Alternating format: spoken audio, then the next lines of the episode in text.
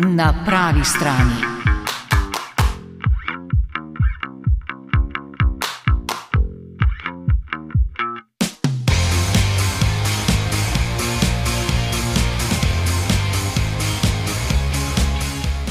Leto 2022. V Sloveniji izvolimo predsednico države, dobimo predsednico državnega zbora ter rekordno število ministric. Po epidemiji COVID-a nastopi epidemija nasilja, izpovedi o spolnem nasilju v kulturi, v delovnem okolju, v cerkvi, femicidi. V Sloveniji dvakratnik povprečja. V Ukrajini vojna, v Iranu ženska revolucija, v Ameriki prepoved splava, domala povsod druge pritiski na ženske. Pa mediji? Letos smo začeli s katastrofalno zastopanostjo žensk v slovenskih medijih. V prvi epizodi sem gostila Natašo Briški, dr. Jano Javornik in magistrico Marto Kos. Razmerje med ženskami in moškimi v medijih je bilo 24 proti 76, v prid slednjim, seveda. Zakaj? Zato, ker je percepcija žensk v uh, družbenem, v javnem prostoru vedno bila, da morajo biti neke tihe, skromne miške v zadej, ki pomagajo, ki zdravijo, ki božajo, ki tolažijo. Važen, da je slovenska javnost, ne glede na to, kako zelo visoko feminizirana uh, je in kako zelo visoko ustraja in, in zahteva liberalne uh, vrednote na, na področju enakosti spolov, predvsej nezahtevna pri tem, uh, koga posluša in koga gleda. Če v medijih uh, nastopa 75 odstotkov moških in uh, bistveno manj žensk, pomeni, da nam dogajanje uh, tako v Sloveniji, kot tudi v svetu razlagajo pretežno moški. A tega, zakaj je to slabo, marsikdo še vedno ne razume. Ko govorimo o medijih, radi govorimo o uravnoteženosti. Pri tem pa pozabljamo na osnovno neuravnoteženost zastopanosti spolov, povdarja dr. Jana Javornik. To se zrcali tudi v politiki in pomeni resen demokratičen primankljaj. Še en pojav, ki je tesno povezan s podrejenim položajem žensk v družbi, pa je mizoginija. Ta prihaja v obliki verbalnih napadov, seksizmov in vulgarnih opask, celo strani vidnih predstavnikov družbe. Kolumnistka dnevnika Tanja Lesničar Pučko in dr. Jana Javornik sta v marčevski epizodi spregovorili o mizoginiji, ki služi tudi kot politični program. To načrtno žaljenje, ne? Kar se je dogajalo v parlamentu ali pa kar pač predsednik vlade počne z uh, eh, RTV novinarkama.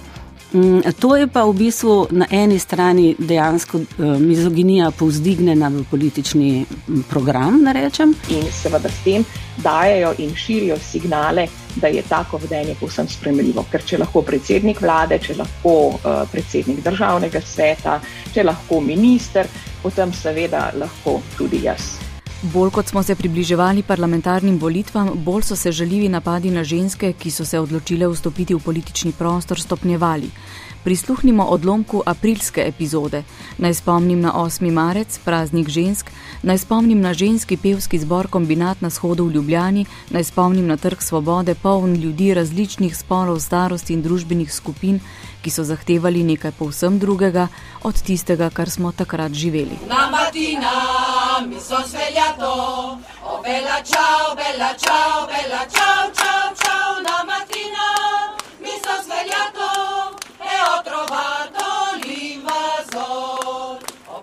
Cenjene ženske, naše pravice nam niso bile podarjene, naše pravice so bile izborjene.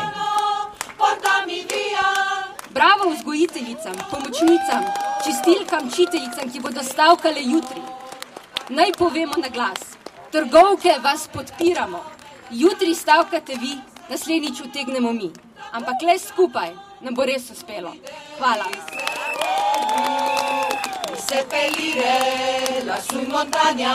Ne bomo dovolili, da bi se neenakost nadaljevala v nedogled.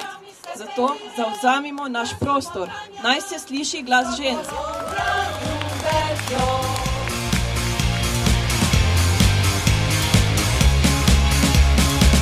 Naj se sliši glas žensk, v parlamentu pa skoraj istočasno na 8. marec poslanec aktualne vlade poslanki opozicije zagrozi, da jo bo fizično odnesel iz dvorane.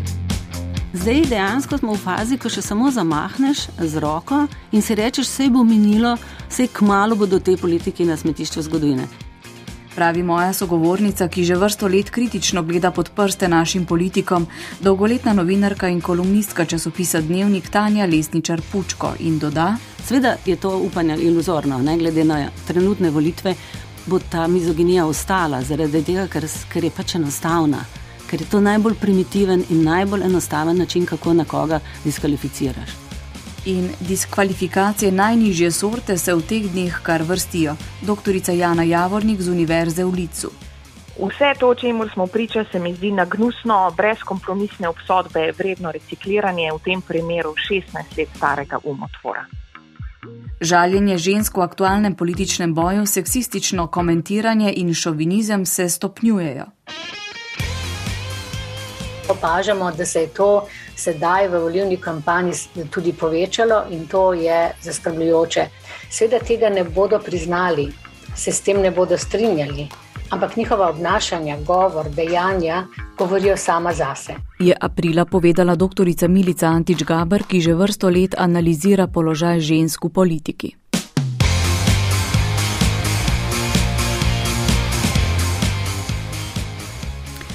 Mizoginija, ki je bila del političnega programa in političnega nasilja, ki pa v Sloveniji še vedno ni prepoznana kot sovražni govor, se glede na izid parlamentarnih volitev ni obrestovala. Izkazalo se je, da politika vendarle ni več ekskluzivno moški biznis. Prvič v zgodovini je v državni zbor sedlo rekordno število žensk. Dobili smo prvo predsednico državnega zbora in kar sedem ministric. Junija sta dogajanje na pravi strani komentirali novinarski kolegici Anja Intihar in Tanja Lesničar Pučko. Medtem pa na drugi strani smo pa videli levico, ki je imela pa od sedanjih uh, strank najmanj uh, kandidatk in tudi najmanj izvoljenih, kar je bil pa seveda šok za voljivce levice, ker pač se razglaša za najbolj napredno in najbolj za enakost. Uh, borbeno. No? Mhm. Na zadnje, ko smo se srečali v, v radijskem studiu, smo se tudi pogovarjali o tej temi. Nekako se zdi, da se je zgodil nek čudež, kar se tiče participacije žensk v politiki. Anja? Uh, jaz se strinjam s Tanjo. Um, bi pa rekla mogoče še to, da se mi zdi, da je celotno slovensko družbo presenetil um, ta delež žensk, uh, ki so pač uspele in prišle tudi na vodilne položaje. In mislim, da jih, bo pres, da jih bodo enako presenetile tudi volitve za, za predsednika oziroma predsednico države in res so nas presenetile, a o tem malo pozneje. Vmes so namreč sledili, upam si reči, da povsem pričakovano nizkotni poskusi osebnih diskreditacij žensk v politiki, začenši z rdečimi salonarji. Sicer nisem sociolog, ampak jaz mislim, da to pač izvira iz čististe naše patriarhalno usmerjene, tradicionalno. Tradicional, v tradicijo usmerjene slovenske družbe. Pač, eh, nekateri preprosto ne prenesejo, da je ženska na poziciji moči, da ima, eh, da ima možgane, da si upa izraziti jasno in glasno svoje mnenje in ker se pač mogoče tudi intelektualno, čeprav bo to zdaj za marsikoga zelo ostro, ker se intelektualno verjetno ne, ne morejo poenotiti z njo, se postaviti na, na, na njen nivo. Se pač ja, kam se, kam se osredotočijo? Je v čevlje, v, v tatu, recimo, v to, kako stoji za enim govorniškim pultom, v to, kaj ima oblečeno. Pač se tu je to je najbolj nizko. Pon, -hmm. To je ponižujoče in verjetno bi na ta svoj nivo radi spravili uh, tisto dotično uh, žensko, ki pač tam, uh, tam uh, jih nagovarja z pozicije moči. Mm -hmm. Tanja? Ja, tukaj v tem primeru je šlo za tako tipično seksualizacijo ženske. Ne? Tukaj je šlo za to, da več ni važno, kakšno pozicijo zauzema, kaj govori, kar je, kar je naredila, ampak da je seksualno bitje. In to seksualno bitje v smislu, kot ga percipira najbolj zanikrn tradicionalni moški. Ne? Skratka, je objekt poželenja in hkrati objekt eh, zavračanja, gnusa, sovraštva in nasilja. No? Uh -huh. Tu je pač šlo za verbalno nasilje, ampak v bistvu je to to.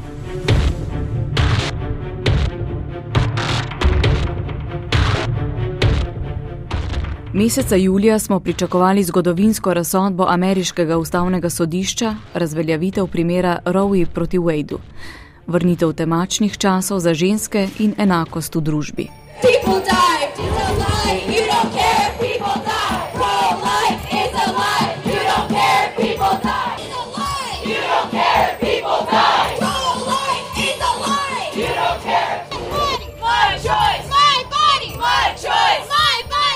Moje telo, moja izbira. Protesti v Združenih državah Amerike se nadaljujejo vse odkar je v začetku meseca v javnost pricurljal osnutek mnenja petih konzervativnih članov ameriškega vrhovnega sodišča. Vse odkar je konzervativni ustavni sodnik Samuel Alito zapisal, da je treba odločitev v primeru Roe proti Wade revidirati. Ali povedano drugače, da je treba pravico do abortusa američankam prepovedati.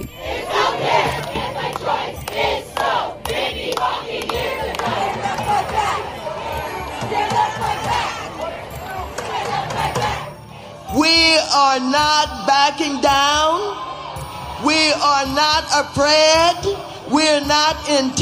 Ne bomo se umaknile, ni nas strah, nismo ustrahovane in ne bomo prepustile nadzora nad našimi telesi ne vrhovnemu sodišču in ne komorkoli drugemu.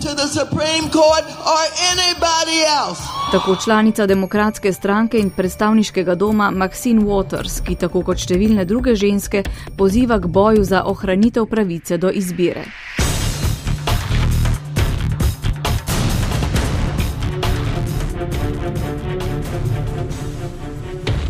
Pogovarjala sem se z dopisnikom iz Združenih držav Amerike Andrejem Stoparjem. In tukaj smo zdaj priče nekega fenomena, ki mu v ZDA pravijo, ki je širši, ne samo kar zadeva splav, seveda, pravijo um, preporod, nek način ali dvig tako imenovanega krščanskega nacionalizma.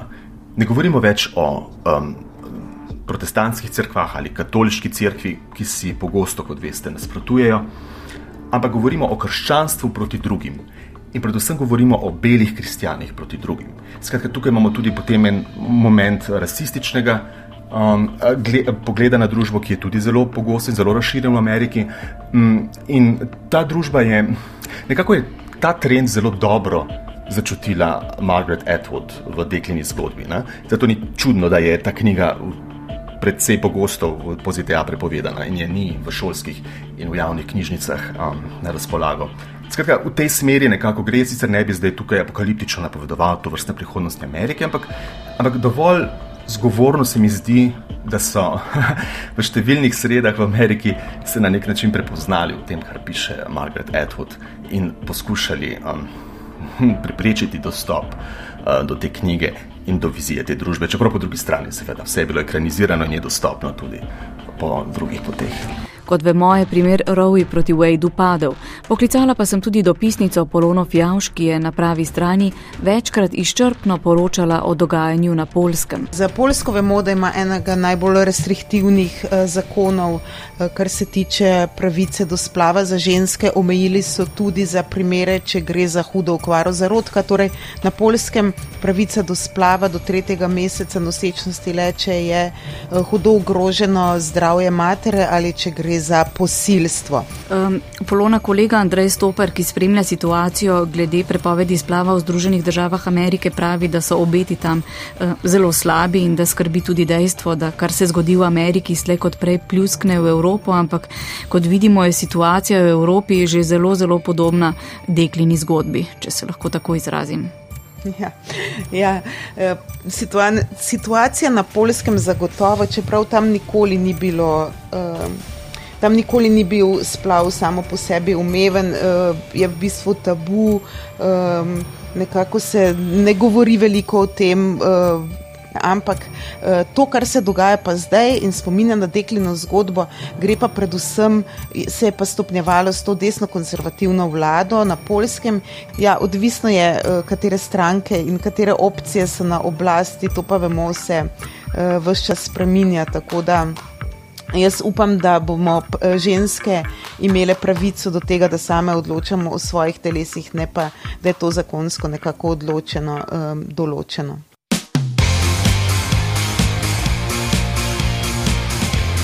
Zgodovina nas uči, da nikoli ni šlo za res le za abortus kot tak, temveč za vprašanje človekovih pravic in za nadzor.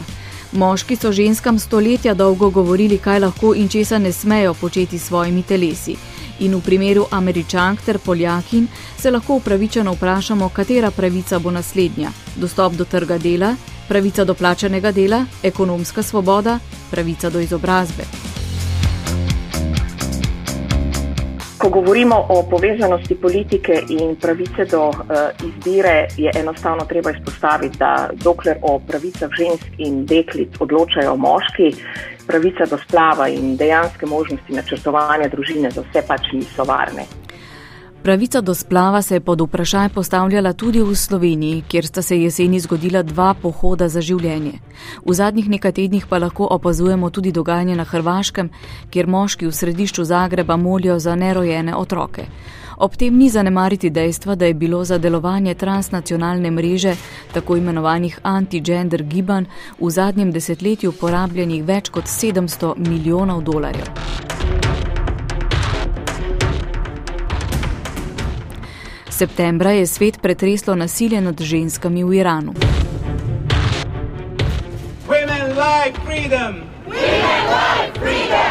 Svet je pretresla smrt 22-letne Mahse Amini, ki jo je v Teheranu aretirala tako imenovana moralna policija. Njen zločin slabo pokriti lasje, iranska novinarka Masih Alinejat. She got killed. She got murdered. Umoril jo je režim, aretirali so jo, ker je bil majhen pramen njenih las viden. Naj ponovim, ni bila razkrita, ubili so jo zaradi pramena las. To je 21. stoletje.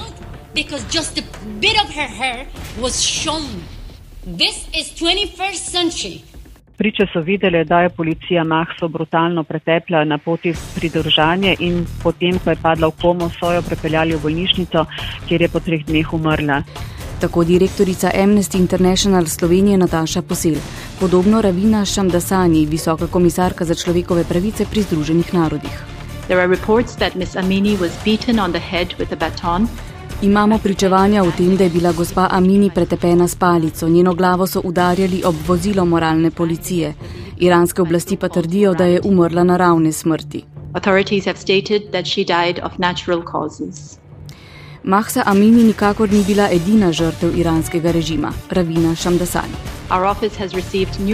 Naš urad je prejel številne videoposnetke, ki prikazujejo nasilje nad ženskami, udarjanje žensk po obrazu, pretepanje s palicami in pendreki in nasilno potiskanje žensk v policijska vozila. Kot je znano, velja v Iranu zakonodaja, ki ženskam in deklicam od sedmega leta starosti zapoveduje, da imajo glavo in lase pokrite. Nataša Posel. In da iranska moralna policija rutinsko izvaja aretacije, pridržanja, tudi mučenje nad vsemi, ki se temu ne podredijo. Na tak način imajo celotno žensko populacijo, preko 40 milijonov jih je v celoti pod nadzorom. Kajti državni agenti se vsakodnevno vozijo po mestu in lahko ustavijo vsako žensko, in zelo strogo ocenjujejo, koliko las je gleda izpod šala, pa tudi njihova oblačila, kako dolge so njihove hlače, jakne, ali so morda preveč živahnih barov, ali se pretesno prilegajo, kako močno so naličene. In nešteto pričevanje o tem, da jim ta moralna policija daje zaušnice, jih pretepa s pendreki ali jih odpelje. Eh, kazen za nje pa je lahko aretacija, zaporna ali finančna kazen ali bičanje in vse to zgolj zato, ker so same izbrale, kaj so oblekle. V Iranu se je začela revolucija, ženska revolucija proti režimu Islamske republike. In kot je za MMC povedala iranska raziskovalka Azadeh Akbari, gre za proteste proti družbeni nepravičnosti, ki jih zopr ženske ne izvaja zgolj država, ampak tudi njihovi očetje in bratje. In ne, ni ironično, da se ženske v Iranu borijo proti obveznemu hijabu, v Indiji pa ravno obratno. Vse se namreč borijo za enako pravico, pravico do izbire. Seveda položaj žensk v Iranu in pri nas ni primerljiv, pa vendar so tudi v Iranu ženskam najprej podaljšali krila in hlače, potem rokave, kasneje zapovedali hijab, danes pa umirajo zaradi nekaj centimetrov preveč odkritih las. Skratka, od ideje, da lahko ženskam govoriš, kaj naj oblečejo, do hijaba je le nekaj korakov. A v Sloveniji zadnje dneve lahkotno razpredamo o tem, kako naj se dekleta oblačijo, zato da ne bodo vznemirjale fantov kljub pandemiji nasilja nad ženskami, kljub nedavnim številnim izpovedim o spolnem nasilju.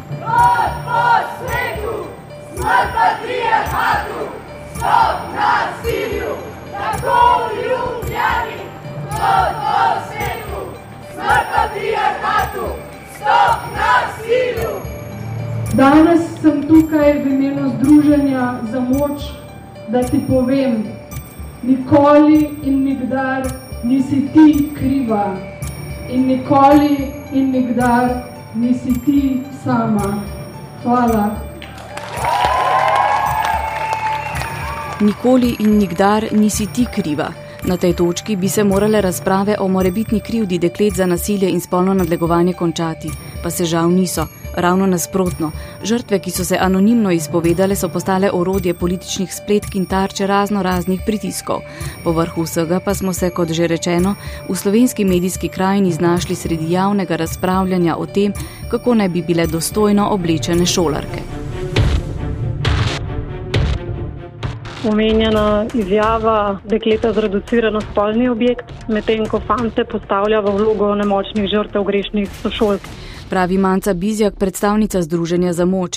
Če pustimo ob strani sicer pomembno dejstvo, da ravnateljice in ravnatelji sploh niso pristojni javno komentirati oblačil učenk ter učencev, so takšna sporočila po mnenju dr. Veronike Tašner z Pedagoške fakultete v Ljubljani problematična iz več vidikov in gredo v smer. Da je pravzaprav obstoj deklic in njihovih teles problematičen za dečke, kar se mi zdi popolnoma mimo duha 21. stoletja in paradigme enakosti spolov. Enakosti spolov, temeljne vrednote Evropske unije in demokratičnih družb. A v Sloveniji se zdi, da je enakost spolov nekaj, o čemer še vedno nimamo razjasnjenih osnovnih pojmov, niti v šolah. Sonja Lokar. Jaz mislim, da žanjemo sadove tega, da v šolah niti z učitelji, kaj šele z otroki, nismo nikoli res temeljito eh, predelali teme enakost med spoloma. Vse je nekako improvizirano, potisnjeno nekam v ozadje, razdrobljeno, nejasno in v glavnem zvedeno na biologijo. Medtem ko tisto, kar je pravzaprav socialna, eh, socialno ozadje spolnih razlik, o tem se pa v šolah skoraj nič ne ve. In kot kažejo izjave pre nekaterih šolnikov, o tem nič kaj dosti ne vedo niti slednji če tudi je ena izmed najbolj perečih posledic neenakosti spolov nasilje, doktorica Jasna Podreka. Tipično potrjevanje neke te patriarhalne logike in dopuščanja moškim, da so takšni, kot so, a ne znotraj tega dominantne pozicije, v smislu, da pač ne, mi moramo njih tutelirati, da oni ne eskalirajo. Skratka, žlahtna slovenska tradicija tolerance do nasilja. Predvsem se pa kaže, kako zelo smo še žrtve patriarhalnega gledanja na, na uh, žensko, ki naj se obnaša tako, da ne bo vznemirjala. Spolno nasilje ni nekaj, kar se dogaja izjemoma. Spolno nasilje je normalno že v osnovni šoli in je pričakovana izkušnja slehrne deklice. Manca Bizjak. Odraz takšne klime pa so tudi številni komentarji o razkritju aktualnega primera spolnega nasilja, ki se lahko strnejo v eno sporočilo in sicer, da so si ženske same krive. In res, jeseni smo v javnosti lahko poslušali, da so si dekleta same krive, kaj pa so hodile na tiste zloglasne zabave. Javno so jih obsojali tudi nekateri mediji in se spraševali, zakaj so bile tako dolgo tiho, zakaj so spregovorile anonimno, zakaj na Instagramu, zakaj niso prijavile. Vemo, zakaj večina žrtev nasilja ne prijavi in upamo, da se bo država končno začela resno ukvarjati s problemom nasilja nad ženskami. Vrnimo se na slovenski politični parket. Novembra smo izvolili prvo predsednico države. Izvolitev ženske na najvišjo funkcijo v državi pa so v medijih večinoma komentirali moški. Sama sem za mnenje prosila dr. Milico Antič Gaber, dr. Vesno Leskošek, dr. Tanjo Renar, magistrico Ano Pavlič, Sonjo Lokar in dr. Jano Javornik. Odzvale so se prav vse. Ehm, z izvolitvijo Nataše Pirc Musar se Slovenija uvršča med države, ki so na vseh ključnih mestih imele ženske. Zdaj imamo v istem mandatu na ključnih treh mestih dve Torej, po prvi predsednici vlade Alenki Bratušek, po prvi predsednici državnega zbora Urški Klakočer Zupančič smo zdaj dobili še prvo predsednico države Natašo Pirc-Musa. To je izjemno pomembna pridobitev na simbolni ravni in njena zmaga na volitev za predsednico države je izjemno pomembno sporočilo vsem tistim, ki so bili skeptični do žensko politiki, kako tudi do tistih, ki menijo, da so moški boljši politiki od žensk ali tisti, ki so prepričani, da ženske ne volijo žensk. Seveda sem vesela, da smo dobili prvo predsednico države, je že bil čas.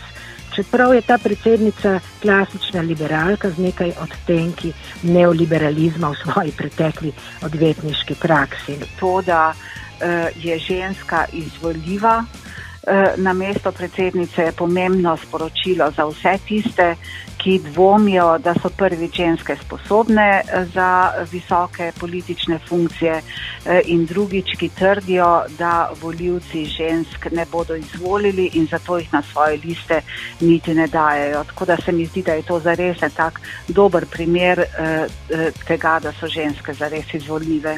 Predsednica se je zavezala k ohranjanju enakopravnosti in zasledovanju enakosti spolov.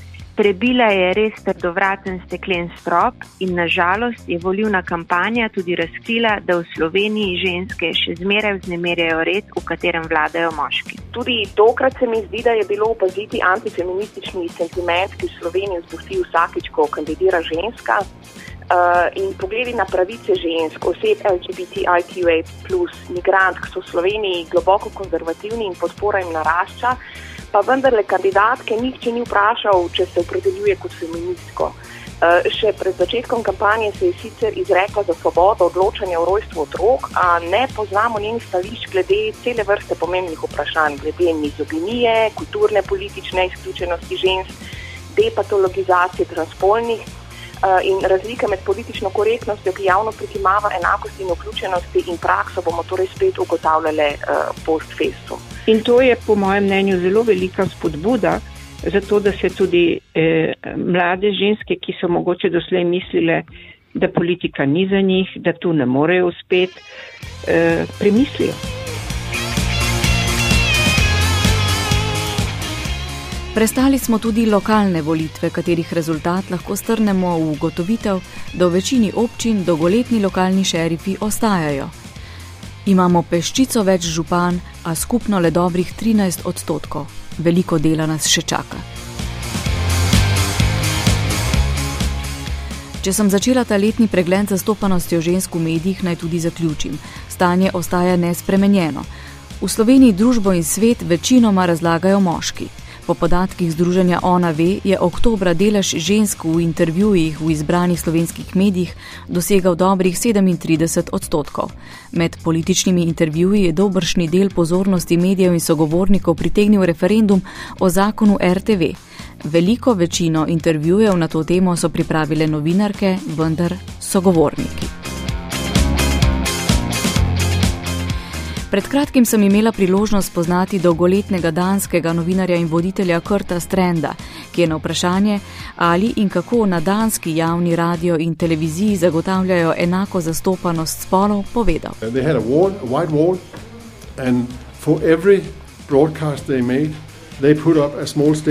Imajo belo tablo in ob sleherni oddaji na njo položijo magnet ene barve za moškega in magnet druge barve za žensko. Samo v enem letu se je zastopanost žensk iz 25 povečala na 40 odstotkov. In ljudje so to imeli res radi, kajti nihče ne mara gledati vse čas enih in istih obrazov. Everybody, everybody Številni mediji v Sloveniji žal še niso osvojili lekcije, da so ljudje enoličnosti in neuravnoteženosti po spolih že pošteno naveličani. Na radiju prvi smo jo. Podcast na pravi strani je kot prvi podcast o položaju žensk novembra prejel novinarsko nagrado Watchdog za istopajoč novinarski dosežek.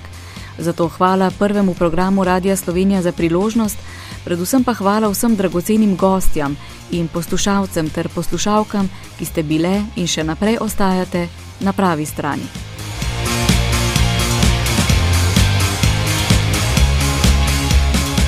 Podslišano se podpisujeva tonski mojster Vito Plavčak in Tita Majer. Dok malu, vse dobro in srečno!